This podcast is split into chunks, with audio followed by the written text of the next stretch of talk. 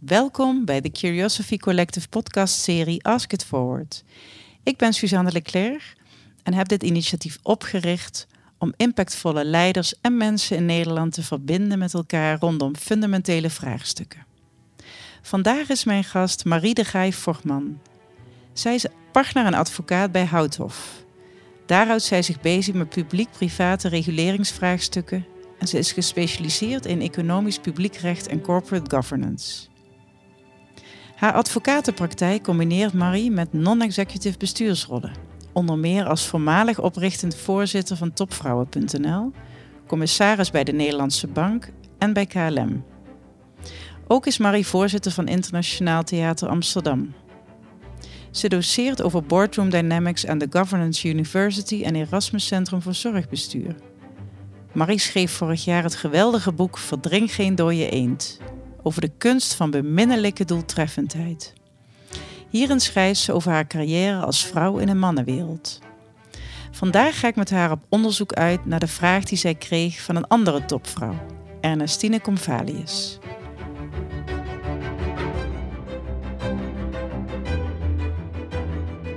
Nou, welkom Marie bij Ask It Forward.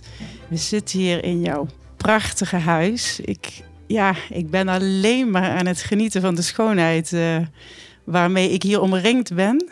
Super, al die kunst, fantastisch. En je hebt een vraag gekregen van Ernestine Convalius. Ernestine die legt jou het volgende voor. Ik ga haar letterlijk citeren. We hebben het voortdurend over het belang van vrouwen aan de top. Dat het belangrijk is voor vrouwen om zich te ontwikkelen, zijn we het wel over eens. Maar je hoort maar weinig over wat dan precies de positieve invloed is van de combinatie van vrouwen en mannen op de kwaliteit van bestuur. Zachte en harde eigenschappen heeft ieder mens in zich. En de hoge intelligentie die nodig is om zowel je doel voor de organisatie te bereiken en jezelf te blijven, hoop je bij zowel mannelijke als vrouwelijke bestuurders aan te treffen. Toch heb ik in bestuurlijke contexten waarin mannen de overhand hebben, soms nog het gevoel dat ik niet alles van mezelf laat zien. In het spel overeind te blijven als vrouw lever ik soms te veel van mezelf in. Ik heb meer nodig om mijn volle potentie te laten zien. Dat dat voor mij prettig is, evident. Wat ik zou willen weten is hoe belangrijk het eigenlijk is voor de kwaliteit van bestuur. En uh, een belang dat het zowel mannen als vrouwen betreft. Dus mijn vraag aan jou is: wat is het effect op de kwaliteit van bestuur wanneer vrouwen hun potentie in de bestuurskamer volledig benutten? Dat is een mond vol, Marie. Prachtige vraag. Heel diepe vraag ook. Ja, Mooi. Ja. ja. Nou, je hebt uh, even tijd gehad om je gedachten erover te laten gaan, maar al een leven lang ervaring zou je bijna zeggen in allerlei bestuurlijke rollen, bestuurskamers, maar ook in het gaan staan voor topvrouwen in allerlei sectoren. En ik heb jou gevraagd um, om een kunstwerk uit te zoeken. En dat is voor het eerst in deze serie dat het een beeldend werk is. Een kunstwerk uit te zoeken die je associeert bij deze vraag. We hebben er net samen uitgebreid voor gestaan. Kun je omschrijven wat we zien op het werk? We zien op een, een, een het is een fotowerk mm van de kunstenaar, Oostenrijks kunstenaar Peter Friedel uit 2004. En uh, de foto is eigenlijk een, uh, een, een gras. En daarop een hele grote ronde steen. Waar je bij wijze van spreken van de ene maar platte steen. En in die platte steen, die eigenlijk vrijwel het hele kunstwerk in beslag neemt, staat: It's a white man's world. En dat is eigenlijk ook de wereld. Het is een politiek statement van deze Peter Friedel dat de footprint van deze wereld, zoals hij die ook in 2004 ervaart, eh, gedomineerd wordt door een witte man. Mhm. En uh, eigenlijk heel veel ruimte in het gras is er niet. Je ziet ook een beetje een soort van hele kleine andere steen die weer begint. Wat ook de suggestie heeft uh, dat het uh, ook inderdaad, dat je alleen maar via die mannen, die white men stappen kunt maken. Dus het is wel een. eh, ik vind dat het een mooi activistisch fotowerk is, maar ook een prachtig werk over de natuur, zou je kunnen zeggen. Want het, de kleurencombinatie is mooi en, eh, en het hangt boven mijn bank. Eh, en eh, een bank in een kamer waarin ik wel geregeld met mensen vergader. En waarin ik toch als een beetje mijn humor om dan witte mannen op die bank te laten plaatsnemen. En dan vraag ik ook aan ze van, eh, zou jij daar willen zitten? En dan geef ik ze een beetje een knipoog. En dan kijken ze naar het kunstwerk. En dan is in ieder geval het ijs gebroken. Ja, mooi. Hey, wij hebben vandaag eh, gehoord dat we afscheid hebben moeten nemen van eh, een ja, wereldwijze white man. Ehm, en nou, dat is pijnlijk en heel verdrietig. En we dachten samen daar toch ook nu even bij stil te staan. En misschien, ehm, ik kijk het naar het werk, zie ik inderdaad een pad en een vervolg daarop. Ja, en, En, en zou je eens willen reflecteren op wat Nou Hans... ja, als je Hans de Boer, eh, inderdaad, eh, white man, staat er ook voor het bedrijfsleven, het grote bedrijfsleven, hè, de, eh, VNO-NCW. En, maar je ziet ook dat niet alles in die zin zwart-wit is. Eh, ja, eh, hij is, ehm, maakt deel uit van eh, de mensen, de groep mensen die toch wel een aantal dingen belangrijke mate bepalen, maar zet ook eh, zijn ehm, nou, invloed, zou je kunnen zeggen, als belangbehartiger van het grote bedrijfsleven eigenlijk in om tegen eh, eigenlijk de druk eh, dat, het, eh, dat, we, dat vrouwen het eigenlijk niet moeten zeuren en, en dat er toch eigenlijk totaal duidelijk is dat er gelijkwaardigheid is en dat er gewoon geen probleem is, wel te constateren dat er een probleem is. In der tijd met Jet, Jet Bussemaker heeft hij dus ook de stichting Topvrouwen opgericht, eh, onafhankelijk stichting. En, eh, dat, en waar ik ook dus vier jaar lang voorzitter van ben geweest. En heeft hij ook in al die jaren van eh, 2016 tot 2020 eh, zich totaal ingezet om ook te zorgen dat de basisgelijkwaardigheid ook daadwerkelijk vertaald zouden worden, kunnen worden in meer positie en betere posities voor vrouwen in de top van het bedrijfsleven. En, ehm, en ook dus eh, ondersteunend geweest naar de politiek. Uiteindelijk is het, hebben we het voor elkaar gekregen om een kamerbrede meerderheid achter eh, een quota voor eh, raden van commissarissen van beursgenoteerde ondernemingen te hebben. Maar als je ziet hoe hij eh, daarin opereerde, ik kan me nog één een heel goed voorbeeld herinneren. Bij de Bilderberg-conferentie van VNO-NCW kwam het onderwerp natuurlijk ook eh, ter sprake. En eh, dan was heel vaak de vraag aan de zaal: wie is er voor quota? Gingen trouwens ook niet veel vrouwen hun handen omhoog. Want die zeiden dan van nou, we zijn excuustruus. Maar even dat terzijde. Wat hij deed is, hij zei van laten we die vraag nou niet te stellen. Laten we eens de vraag stellen. ehm, wie is er, eh, of wie kan er eigenlijk mee leven als er quota komt? Als de quota er echt zijn, wie zal er dan echt op tegen zijn? nou ja, toen ging er omkering. Ja. En toen bleek dat daar een behoorlijk draagvlak was. Dus dat, eh, ja, weet je, als je aan iemand vraagt, eh, ben je voor, dan is het ingewikkeld. Maar als je zegt van, ben je niet tegen? Ja. Nou, dat vond ik eh, nou, heel bemoedigend. Want toen dacht ik van, nee, dan is het ook aan een bepaalde groep om toch nu door te pakken naar die... wetgeving, nieuwe wetgeving toe. Maar dan weet je ook dat er niet echt fundamenteel verzet meer is. Nee, mooi. Dat is, ja, daar was hij natuurlijk meesterlijk in. In, in, in ja, dat soort processen leiden, begeleiden en je verrassen ook. Ik ken hem ook nog. Ik heb in de stuurgroep Bruis in de binnensteden met hem gezeten. En ik weet nog de eerste keer dat ik ehm, daar voor het eerst kwam. Ik was voorzitter Federatie Cultuur. En toen had ik zo'n pech in het verkeer. Dus ik kwam te laat binnen. En dat was niet fijn in je eerste ontmoeting. En eh, het was de grote, eh, grootste ruimte bij VNO-NCW, grote ovale tafel. En ik kwam binnen en hij zat aan de overkant en zei... Nou, dan moet u mevrouw Leclerc zijn. En toen zei ik, dat klopt, maar ik bruis wel. en ze hebben zo gelachen. En sindsdien heeft hij altijd waar hij kon ook uh, nou, via mij eigenlijk de cultuursector geholpen. We kwamen uh, daar veel beter in beeld. En het is iemand die nou ja, intrinsiek gewoon mannen en vrouwen en die balans volgens mij uh, wilde Heel stimuleren erg die en verbinding. bewaken. En Ja. ook begrepen dat je ook niet alleen verbindt op onderwerpen of dat je ook verantwoordelijkheid neemt, maar die ook gewoon een mensenmens is. Dus Ja. dit verhaal wat jij vertelt is ook zo typerend. Eigenlijk kan Hans de Boer kon die nooit een, in een gesprek zitten wanneer er niet om de tien minuten toch een goede grap werd gemaakt. Dat was gewoon, eh, dat, anders was het leven niks meer waard. Maar ik vind, ik vind het heel verdrietig dat hij, intens verdrietig, dat hij op 66-jarige leeftijd en. eh, en iemand uh, wie, die ook nog niet alleen heel veel uh, voor de samenleving meer had kunnen betekenen, in al zijn ervaring delen, die bereid altijd was om dat te doen, maar natuurlijk ook voor zijn familie, hè, gewoon echt wel een familieman. Ja. En uh, dus een bijzonder mens. Ja. En nee, echt, echt verdrietig van. Ja, ja, dat begrijp ik. En dank dat, nou, dat je toch, hè, je gaat door. Het is het ik, je, je, werd ook net gebeld. Is mooi om te zien op, dat je op verschillende niveaus schakelt. Hè? Dus ik zit eigenlijk gefascineerd naar je te kijken. Afgelopen drie kwartier.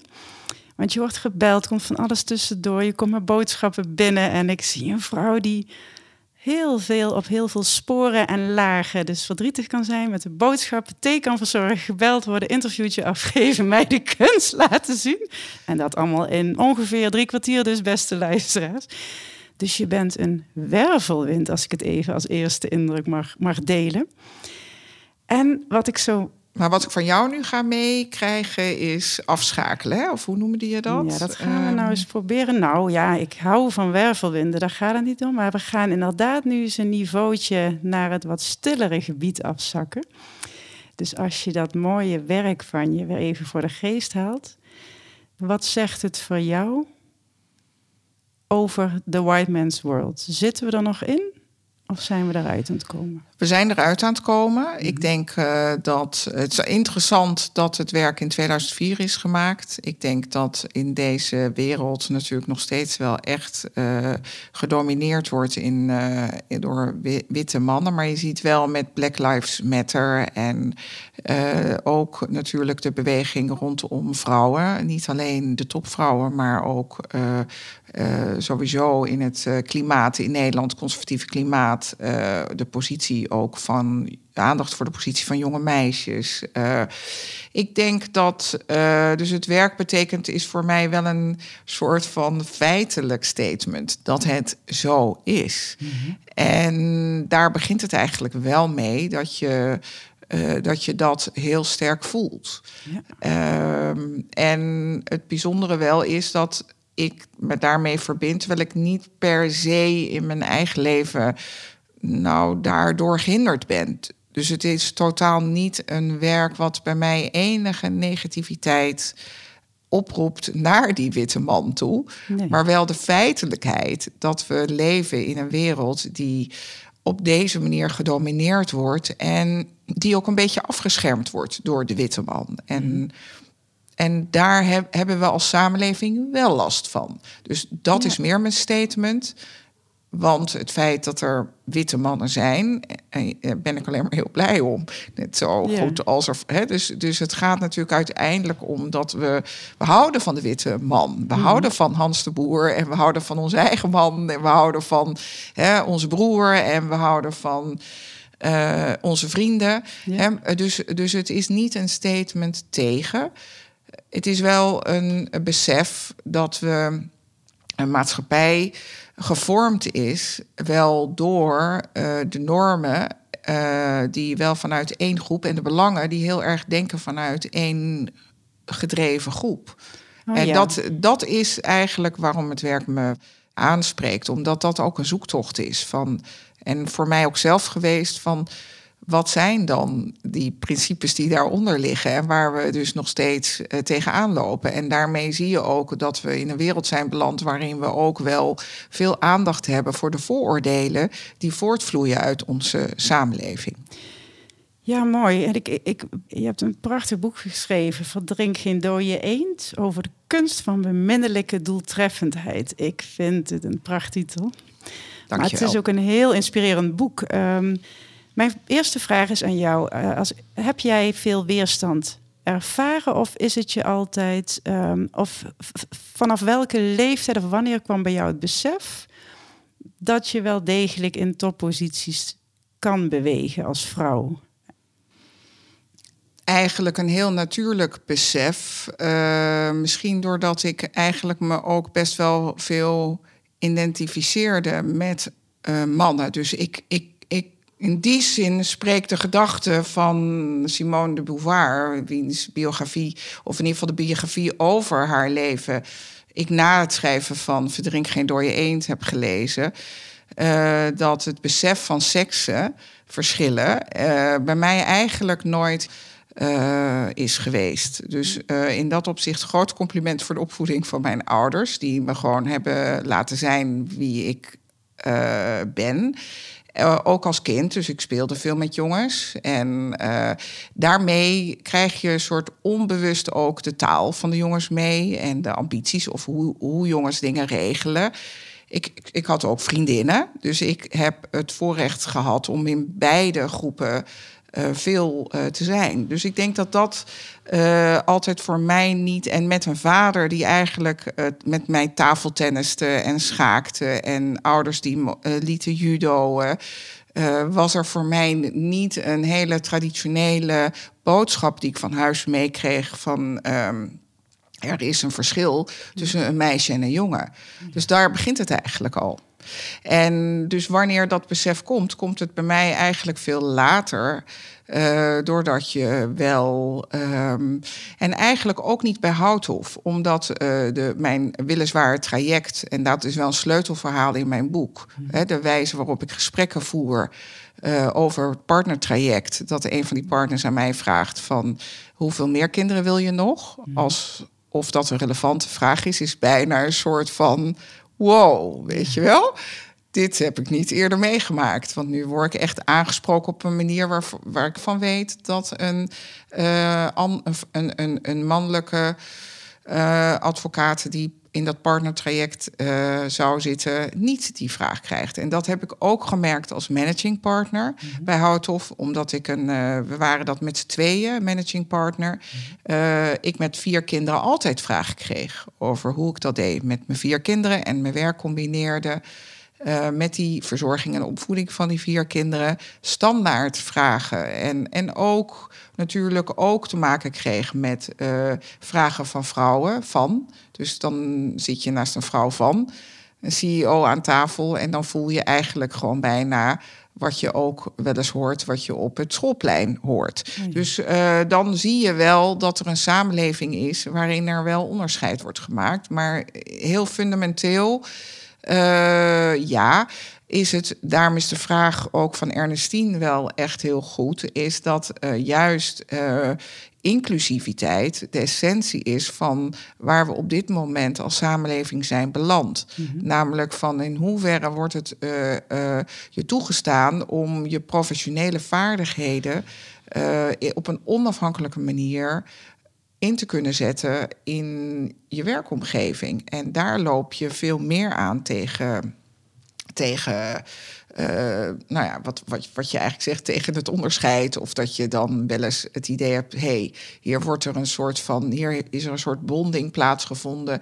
Maar goed, ik denk dat dat uh, soms, dat, dit zijn vragen waar ik zelf wel veel over nadenk. En ook net als jij niet geneigd ben om dan uh, uh, de schuldvraag bij een ander neer te leggen, maar altijd eerst wel te kijken in zelfreflectie.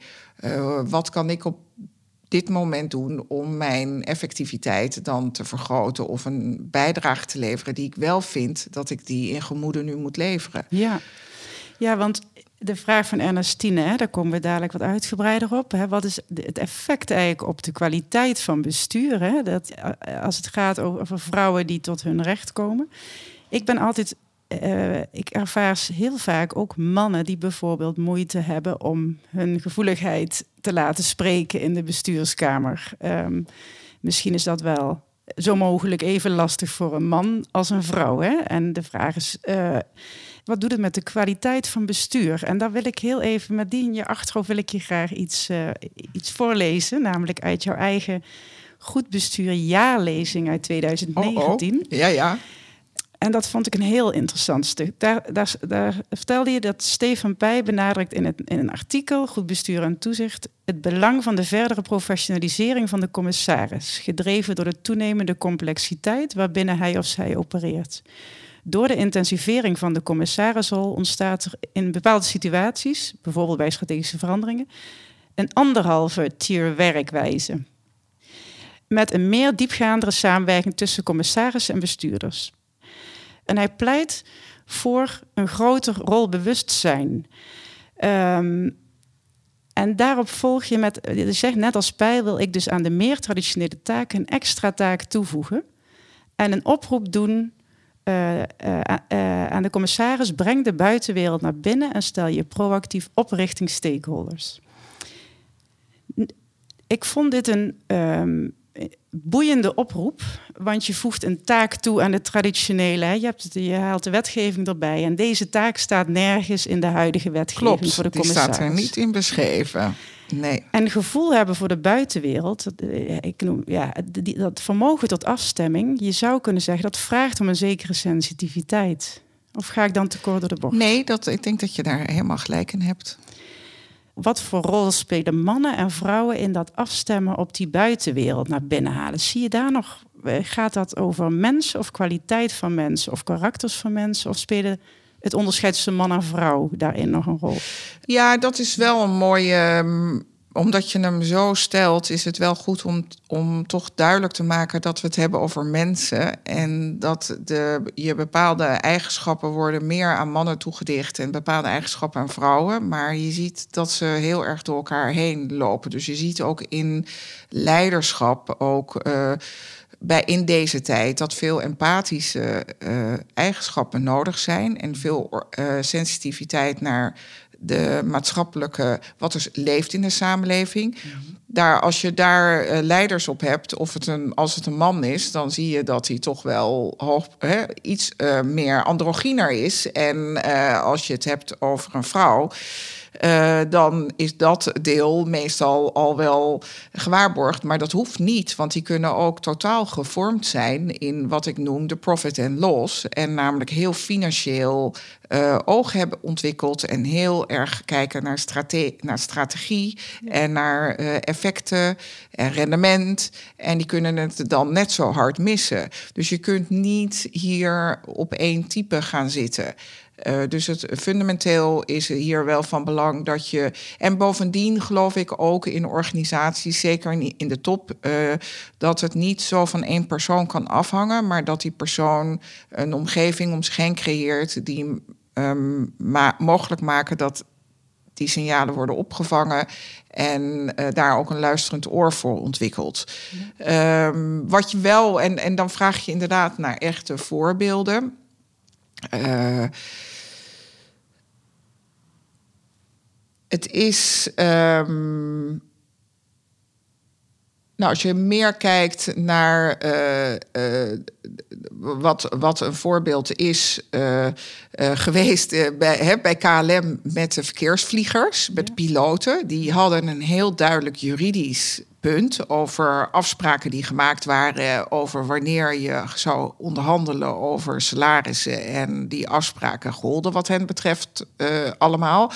Nog steeds, terwijl je ook een samenleving hebt en een werkelijkheid waarin KLM natuurlijk opeens van de een op de andere dag uh, eigenlijk een publiek uh, bedrijf wordt, hè, waar veel publiek geld in zit en waarbij je dus ook moet nadenken over wat uh, wenselijk en haalbaar is en maatschappelijk verantwoord is in die omgeving. Ja. En ik vond dat wel een voorbeeld Uh, dat ik eigenlijk en heel veel begrip kon opbrengen voor de insteek van de piloten. Omdat ik me kon voorstellen dat ze zeiden van ja, maar wij hebben toch een hele heldere afspraak gemaakt. Mhm. En uh, waarom geldt die nu opeens niet? Terwijl tegelijkertijd uh, er een werkelijkheid is die, die on, hè, de politiek heeft in die zin als instituut altijd gelijk. Dus het is een verloren strijd. er is gewoon een nieuwe werkelijkheid ingetreden en daar moet je mee omgaan. Mhm. dus het wat wel wordt gezegd over blauw, hè, dus blauwe mensen. Mhm. Eh, en dat heb je ook in de beloningen discussies in der tijd gezien bij ING. Mhm. Eh, dat, dat je niet kan zeggen, we, we hebben een expert ingezet en die kijkt gewoon hoe de beloningen zijn in relatie tot uh, andere landen en hoe, hè, in welke league je dan zit. Hè, om, om in der tijd, Jeroen van der Veer, die daar president-commissaris, die zei, ja, anders verliezen we talent. Uh, maar er is een hele duidelijke werkelijkheid in Nederland die zegt van ja, maar zoveel kan een topman in Nederland niet verdienen als je kijkt naar het inkomen van uh, de individuele bankmedewerker. En hoe zit dan, Marie, als ik even op dat KLM-voorbeeld mag ingaan, wat is dan de dynamiek tussen man en vrouw? Nou, het belang is dat je ze alle twee hebt. Hè? Dus vandaar dat een toestel heb je en de piloten die natuurlijk ongelooflijk goed gericht zijn op de veiligheid en weten dat niets en niemand ze daar ook van afbrengt om mhm. te doen wat in de veiligheid van het toestel en van de inzittenden van belang is. Uh, en je hebt cabinepersoneel die natuurlijk heel servicegericht en heel menselijk gericht is. Dus uh, zo zie je dat je beide uh, zich dan op dat moment moeten verenigen om te zorgen dat dat allemaal goed, goed loopt. Ja, dat vind ik een interessante. Nu, uiteindelijk, je hebt het nu eigenlijk over kwaliteit van mensen, diversiteit van kwaliteiten zou je kunnen zeggen. Hè? Ik, hoor het, ik hoor het dan nog niet over man-vrouw per se gaan. Hè? Nee, bewust niet. Even. Nee, bewust is goed. Dat vind ik ook inter eh, een interessant domein om ook even te verkennen. Um, ik heb, ben zelf ooit uh, uit een bestuurlijke rol gestapt en ben gaan ondernemen, omdat ik wel dacht: dit is voor mij in deze jaren een uh, betere manier om mijn talent vrij te kunnen inzetten zonder in dat systeem van een organisatie te blijven zitten. En had dat bij jou ook een afweging van uh, balans met uh, wat de, de werk, uh, dus de werk-privé-balans? Ja. Speelde dat ook een rol? Zeker. Ik dacht heel simpel: uh, als ik even de verantwoordelijkheid voor mensen en middelen loslaat. Uh, dan uh, kan ik gewoon precies doen wat ik wil doen, wat ik wil bijdragen. Het was mij eigenlijk om het even of dat in een organisatie zou plaatsvinden of als uh, vrije ondernemer. niet dat ik altijd precies wist wat ik wilde hoor, dat ben ik toen gaan onderzoeken. Maar ik, heb, ik, ik wist wel dat de verantwoordelijkheid voor mensen, de bestuurlijke verantwoordelijkheid voor mensen, laat ik het zo, voor een organisatie, me, dat loslaten zou me vrijer maken en dus flexibeler. Ik heb dat ook zo ervaren. Uh, maar ik heb ook vaak gehoord de verdenking uh, langs zien komen van... oh, jij bent dus zo'n vrouw met al je kwaliteiten... die niet door is uh, gegaan op de hiërarchische ladder. Ik, het was echter een keuze voor mij. En ik dacht, ik kan gewoon met minder tijd, inspanning hetzelfde bereiken via een andere route. En dat is impact maken met hoe ik, wat ik wil voor de wereld. Of dat nou van binnenuit een organisatie is of van buitenaf.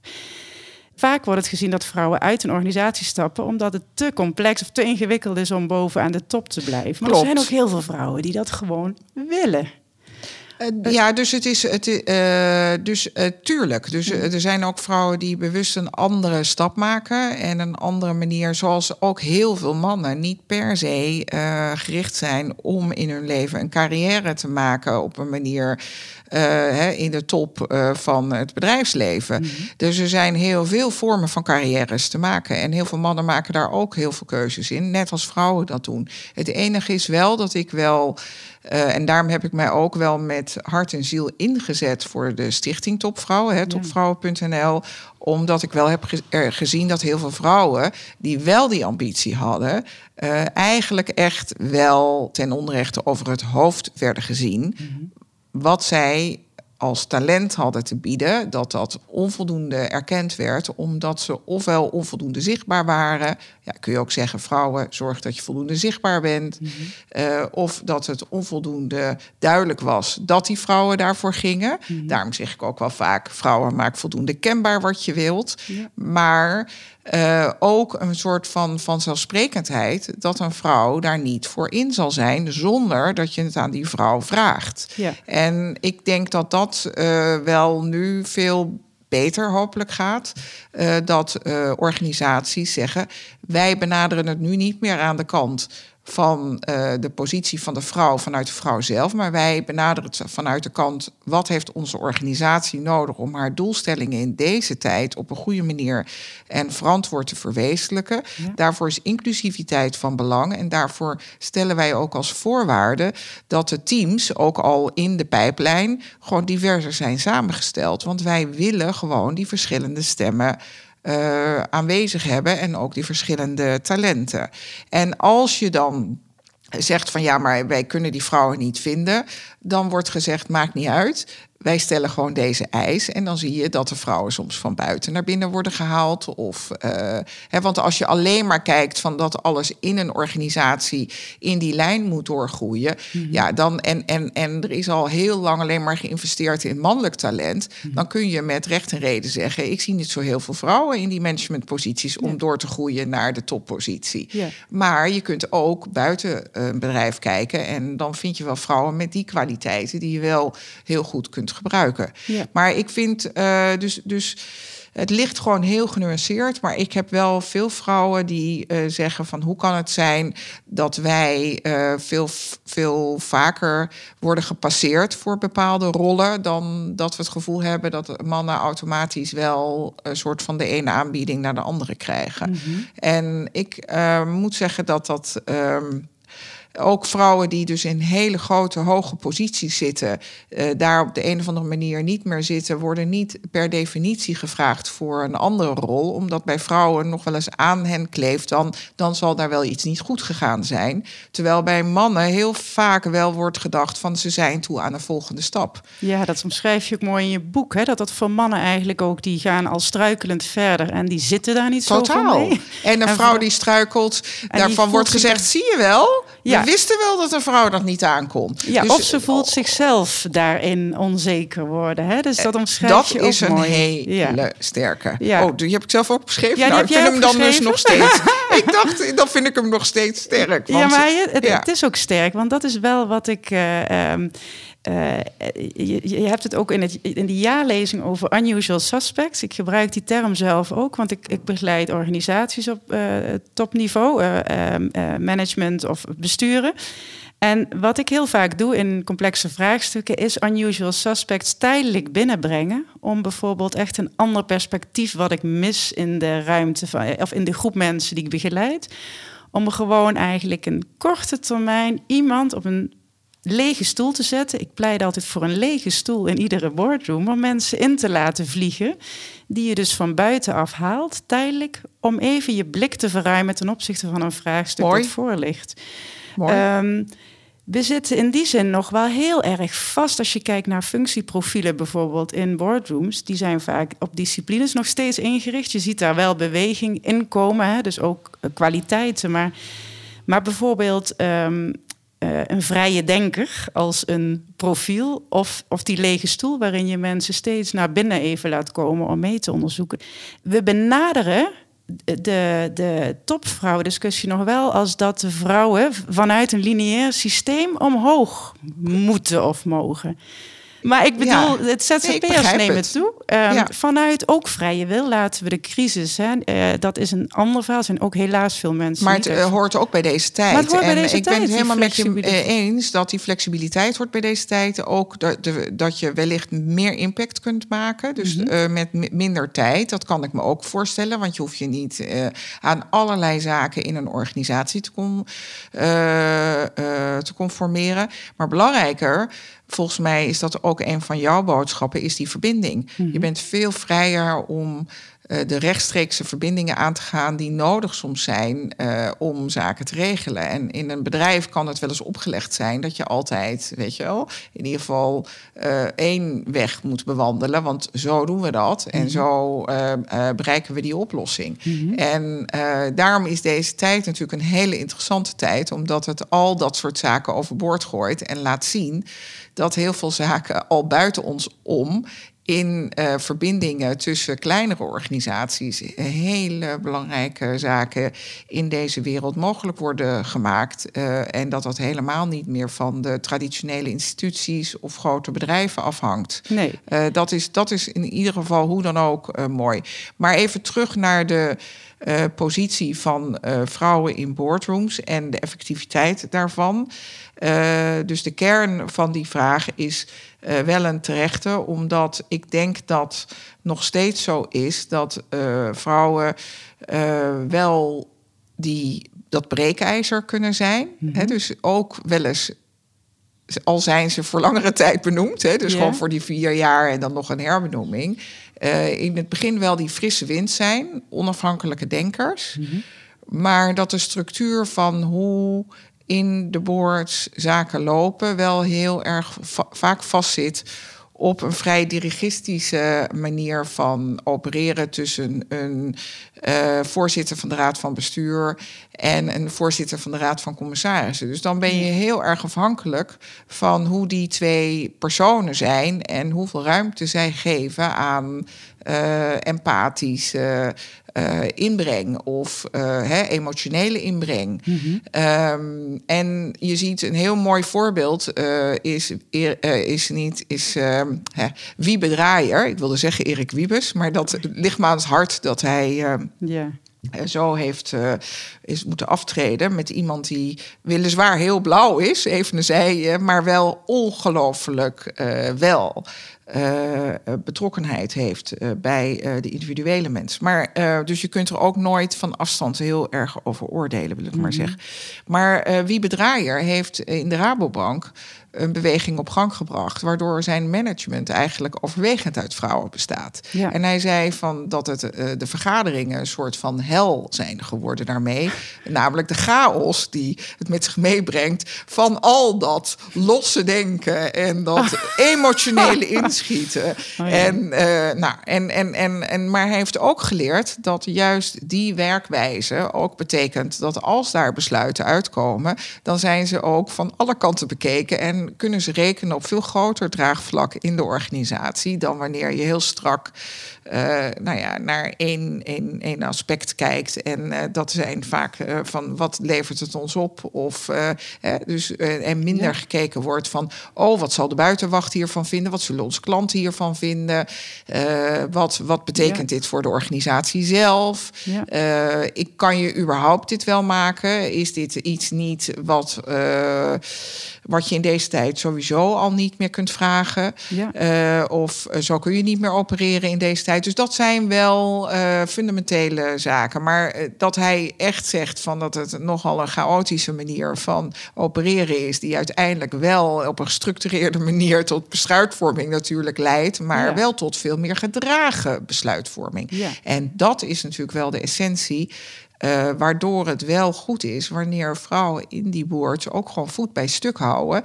En het zelfvertrouwen hebben dat zij vanuit de positie dat zij daar zitten en het belang van de onderneming natuurlijk alles op tafel kunnen leggen wat zij willen. Ja. En natuurlijk wel in het fundamentele verbinding met de andere commissarissen. Je kunt niet nee, een eiland natuurlijk. zijn. Nee, maar ook met de buitenwereld. En ik vind het, en met de ik realiseer me als jij dit zegt, dat we ook misschien de taal nog niet helemaal hebben om aan zo'n proces, wat ik herken daarin inderdaad wel iets vrouwelijks, uh, dat veel vrouwen uh, veel meer langer afwegen voordat ze tot een besluit. Tenminste, ik weet niet of het zo is, nooit onderzocht, maar.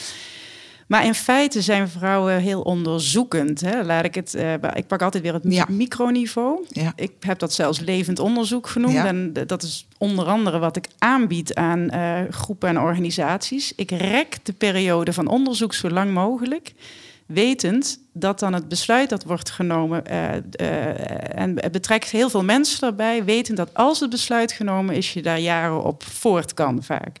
Maar dat de betrekken van mensen en lang onderzoeken, um, dat zijn woorden, of ik ben benieuwd of dat al taal heeft. Ik, daarom vond ik het zo bijzonder wat jij zegt. Ook je vraagt eigenlijk om een nieuw soort vakmanschap in, dat, uh, in die jaarlezing. Uh, ja, dat er ook, je moet blijven kijken, wat is er nodig in dat toezicht houden in deze tijd?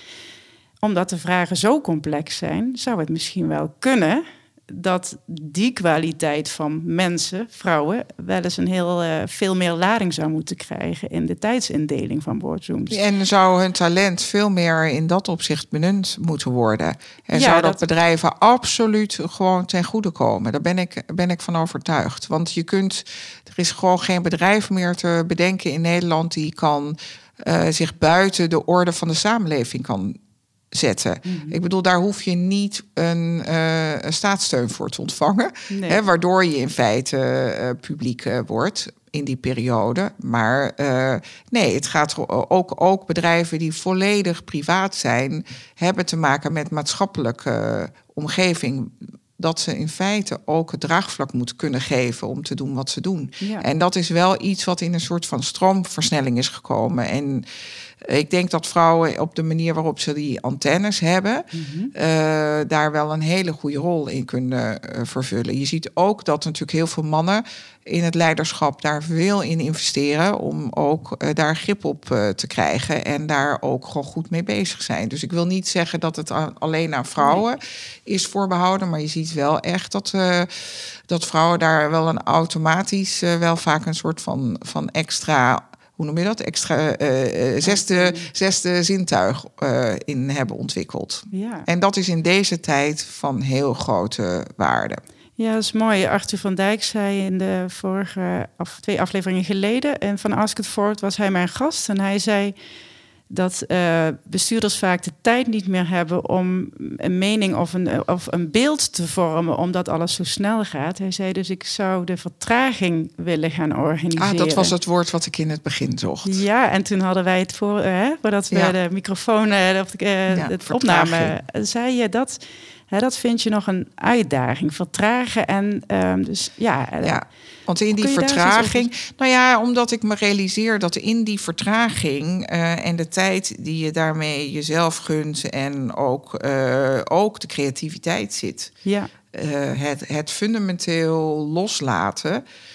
Uh, want in feite is, en dat uh, herken ik wel uit ook mijn managing partner periode, hè, mijn bestuurdersperiode bij Houthof, dan heb je het zo druk dat je eigenlijk gewoon de enige manier is... tjak, tjak, tjak, tjak. Zoveel en zo snel mogelijk alles van je bureau af hebben. Dus, dus je neemt zo op die manier besluiten. Als je kijkt naar het onderzoek in uh, Drama Ahold bij Kees van der Hoeven... Mhm. dat hij zei van, ja, hij miste wel eens iets... omdat als je zag hoeveel besluit hij op een dag moest nemen en moest tekenen...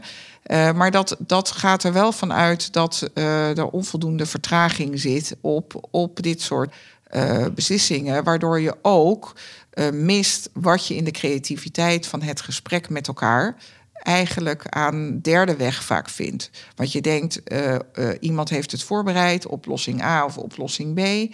Als je er fundamenteel over praat en daar de tijd voor neemt, zie je vaak dat er een hele andere route uiteindelijk wordt uh, afgesproken. Omdat je met elkaar tot meer inzichten komt. En, uh, uh, en, en heel veel van het werk ook in boord. is werk wat je niet weet wat het echt effect zal zijn van de maatregelen die je neemt. Mm dus je moet ook wel met elkaar het gevoel hebben dat je al die belangen ook goed hebt kunnen meenemen en afwegen. En je kunt niet meer doen dan op dat moment het goede besluit, het beste besluit met elkaar nemen. Ja. En, uh, en dan daar ook wel achter staan.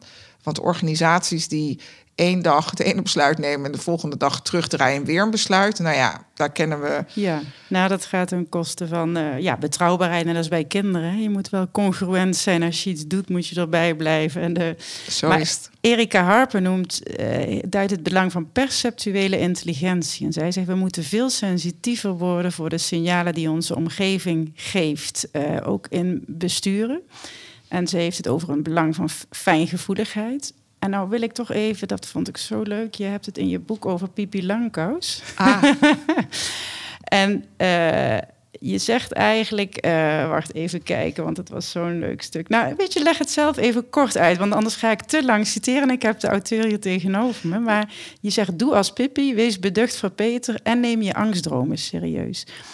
Um, kun je eens iets zeggen over die fijngevoeligheid? Uh, en misschien aan de hand van dat voorbeeld van Pipi, hoe belangrijk is het om ja, die gevoeligheid, hoeveel ruimte moet je geven aan gevoeligheid in de boardroom?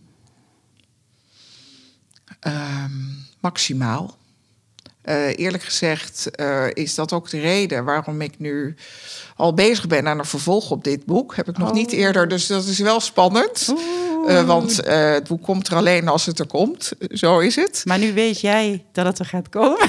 maar nu weet ik wel een beetje maar dat het er gaat ga je toch gewoon niet zeggen? Joh. Nee, joh. Nee, want ik ben echt in het schrijfproces aan het oh, begin. Maar dit zijn wel de zaken die mij dus in hoge mate uh, wel uh, bezighouden van hoe, waar ligt ook, uh, hoe ga je, hoe, hoe, hoe luister je naar deze signalen? Hoe zorg je dat je voldoende open staat voor bepaalde signalen? En, en, en leer je ook dat te ontwikkelen, waardoor je ook weet dat je daar ook echt iets mee gaat doen en, en, en wat dat betekent. Ja. dat is denk ik echt.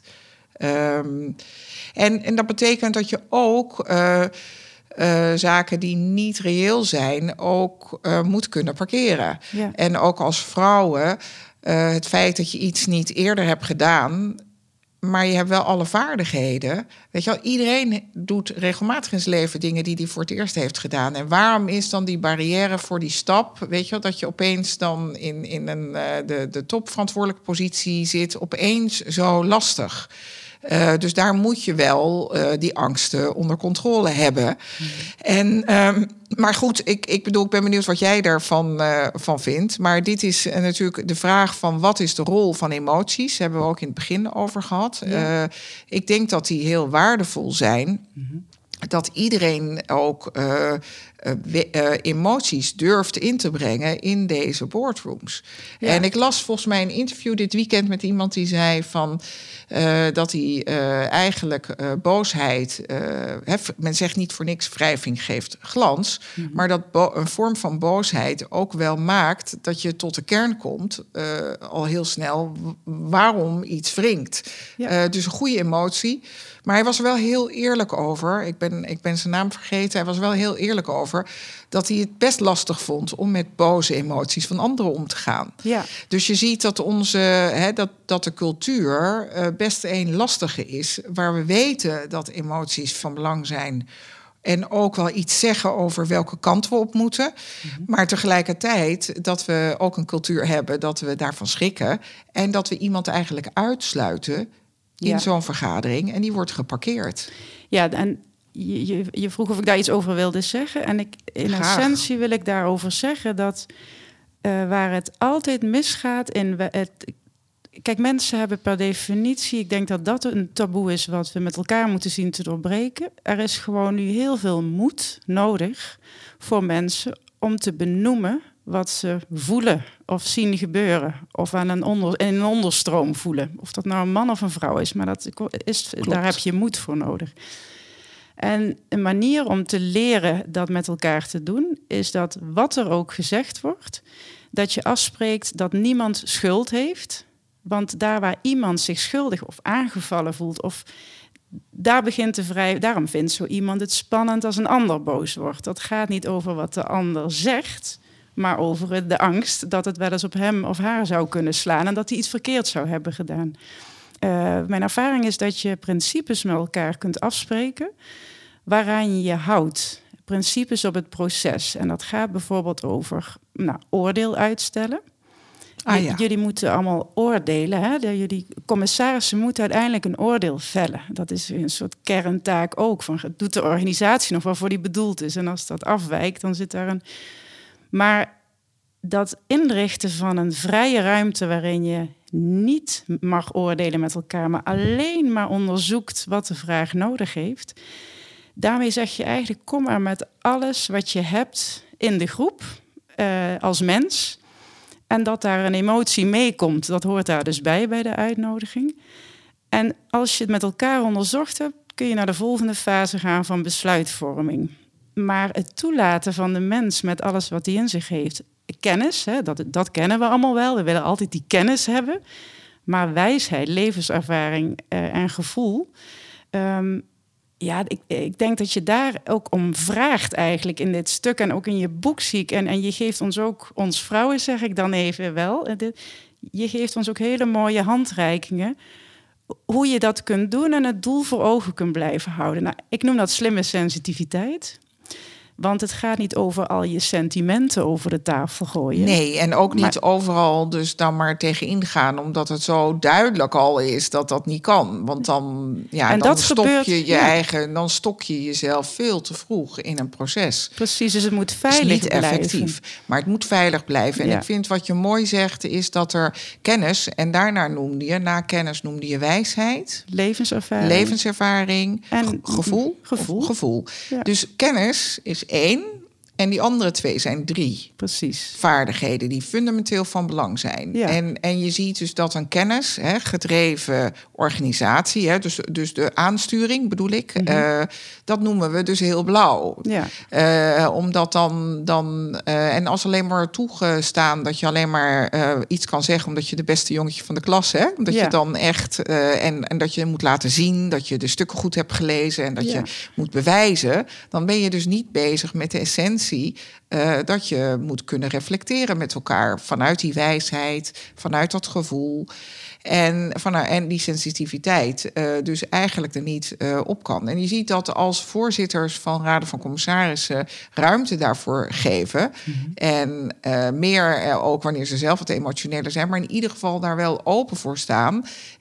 dat je ziet dat ze daar pijlsnel verder in ontwikkelen. Ja. En dat ze dan de, dat die sluizen dan echt open gaan. En ik vind het wel mooi dat je zegt, daar heb je dan wel principes met elkaar voor nodig, zodat mensen dat wel veilig kunnen doen. Want het mag niet niet zo zijn dat je in zo'n discussie zit en je brengt van allerlei dingen in. En dat in een evaluatie eigenlijk dat wordt uh, afgekraakt. Hè? Dus je moet nee. het veilig je moet veilig met je insteek wel kunnen komen. En ik ben zeer intuïtief gedreven. Uh, dus wel met de kennis, maar soms heb. Dus ik wil niet zeggen dat kennis niet belangrijk is. Nee, maar... maar wel, uh, soms voel ik aan dat er gewoon ergens iets niet deugt. Of dat, het, uh, of dat ik aandacht wil vragen. Of dat ik gewoon het gesprek op gang wil krijgen. Mm -hmm. En ehm, ik moet wel zeggen dat ik er soms wel tegenaan loop. Dat, dat het soms me niet lukt per se om dan door een groep, als de hele groep uh, van commissarissen kennis gedreven is, ja. dan ben ik, in, als ik in mijn eentje intuïtief gedreven uh, ben, dan ben ik een stoorzender. Dus dan ervaar ik ook wel dat ik, uh, precies zoals de vraagsteller Ernestine, dat je denkt van hallo, weet je wel, hier gaat er even iets mis, want hoe kan ik mijn boodschap dan wel effectief overbrengen? Want dan is het een soort van boemerang. Ja, en, en, dan, het, ja. ja. en dat mag niet zo zijn. Dus, uh, en daar uh, is zelfevaluatie ook best wel goed om ja. echt dat wel uit te spreken met elkaar. En te zeggen: luister, ik vind dat er op een bepaalde manier wel aandacht voor moet zijn. En toen kreeg ik als tip terug ja. in die evaluatie. Ja. Dat, en daar moest ik erg om lachen, dat doe ik dus nu ook. Dat ik dat even moet aankondigen. Dat ik even moet zeggen: van jongens, ik ga nu even uit een hele andere hoek even iets inbrengen. Ja. Dus dat is zet schrikken. schrap. Dat is schrikken. Zet je nu schrap, want ik ga nu iets heel raars zeggen. Nou, dat is grappig dat jij dit zegt. Ik heb dat uh, door uh, ook behoorlijk wat best pijnlijke omstandigheden heen dat geleerd. Ik zeg soms letterlijk nu wel eens: we gaan nu even de tijdelijke autonome zone in. Want ik, ik, wil, ik, ik, moet even iets kwijt. En dan voel ik een olifant in de kamer staan. ja. En dan zeg ik tegen een groep: Zo jongens, eventjes uh, kennis laten we. We gaan even nu. Mag ik even uh, vertellen wat ik zie dat er gebeurt? Onder de, in de en dan is iedereen blij mee. Maar omdat je het aankondigt. Terwijl, omdat je aankondigt dat er iets afwijkends gebeurt. Ja. Anders dan uh, A volgt uit B, uit C, weet je wel zo. Ja, maar dat is natuurlijk Je wel, moet dat doorbreken. Dat, dus ik, ja, en dit vind ik, nou als het gaat over good governance... Hè, Ernestines vraag is, is, is, is heel mooi, gaat over vrouwelijk potentieel. Misschien gaat het ook wel over mannelijk potentieel, maar dat, dat Ernestine gaat het allemaal terug horen. En daar ben ik heel benieuwd wat zij daar weer uithaalt. Hè? Want een, uh, de waarheid uh, kent meer kanten. Maar dat benutten van het potentieel, dat vind ik een mooi woord wat ze noemde, dat in de ruimte is, heeft hier wel mee te maken. Ja, en daarvoor moet je eigenlijk kunnen benoemen en met een beetje helikopterview ja. wat je interventie zou willen zijn voordat je die interventie zelf uitspreekt. Het beschermt je om als je echt merkt dat er geen op dat moment geen aandacht voor is. Of dat, en dan kan je ook nog ruimte geven aan de voorzitter dat hij zegt: Weet je wat, gaan we straks doen. Mhm. Eh, of uh, dan, dan, maar het, het, het, het wel kunnen benoemen wat voor soort interventie je doet, is wel, helpt wel enorm bij het uh, grip krijgen daarop. En ook gewoon op een serieuze manier serieus genomen worden. Want het is ook mooi als je dat ook voor jezelf kan uh, benoemen waarom je iets wil doen. Want uh, als ik, het, het is wel waar uh, dat af en toe, doordat ik moet denken van ga ik op deze manier hè, inbreken, ja. dat van de drie keer dat je wil inbreken, je misschien twee keer denkt van nou weet je, um, kan ik ook wel één op één doen, even zo. Ja, en dat is eeuwig zonde, want dan benut je dus je geeft jezelf in die zin um, niet genoeg vertrouwen, maar de groep heeft ook niks aan die wijsheid op het moment dat je dat doet. En in, in, het collectief inbrengen, dat kan wel uh, spannend zijn, maar juist daar is, uh, is die inbreng zo belangrijk omdat de ander daar vaak niet aan denkt. Hè? Dus daarom is diversiteit. Nou ja, en, negen, en, en een aantal mensen precies dezelfde gedachten hebben en dat ook niet durven inbrengen. Dus voor hen wel aanleiding is om uh, daar op voort te gaan. Dus ja. uh, heel vaak breng je ook iets onder woorden wat al eigenlijk in de groep leeft, maar wat ook.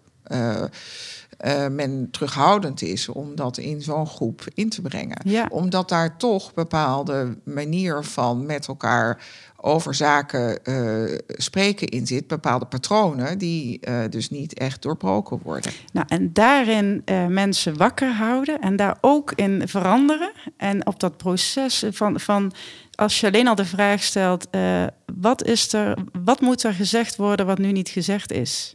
Als standaardvraag bij elk groot agendapunt is al een vraag waarin je zegt: kom maar door. Zijn er dingen die niet besproken zijn? Die vrije ruimte, een lege stoel. Wie moet er de volgende keer absoluut aanschuiven om onze perspectieven aan te vullen? Ja, ik vind dat dus in die vormen is nog zoveel mogelijk. Uh, maar waar ik ben natuurlijk wel benieuwd, en dan gaan we afsluiten. En uh, gaat, weet je al waar je nieuwe boek over gaat? hey, dat is niet je voorbereide eh, laatste vraag, dat, uh, Suzanne. Nee, dat mag je ook helemaal open houden. Want dan nee, dat hou ik nog wel echt. Ja, blijf maar nieuwsgierig. Ja, ja, ik ben echt, uh, maar dat het, uh, het heeft wel iets te maken met de innerlijke monoloog. Het belang van een innerlijke monoloog, die uiteindelijk wel ertoe leidt dat je zaken meer op tafel gaat leggen. Mm, mooi, mooi. En dan de laatste vraag. Ehm, wat is het effect op de kwaliteit van bestuur wanneer vrouwen hun potentie in de bestuurskamer volledig benutten? Kun je in een enkel woord zeggen wat het effect is op de kwaliteit van bestuur? Positief. Dit was Ask It Forward met Marie de Grijf-Vortman. Ik hoop dat je genoten hebt. Wil je meer weten over wat wij doen? Kijk op www.thecuriosophycollective.com en deel de podcast met je vrienden en relaties. Dankjewel.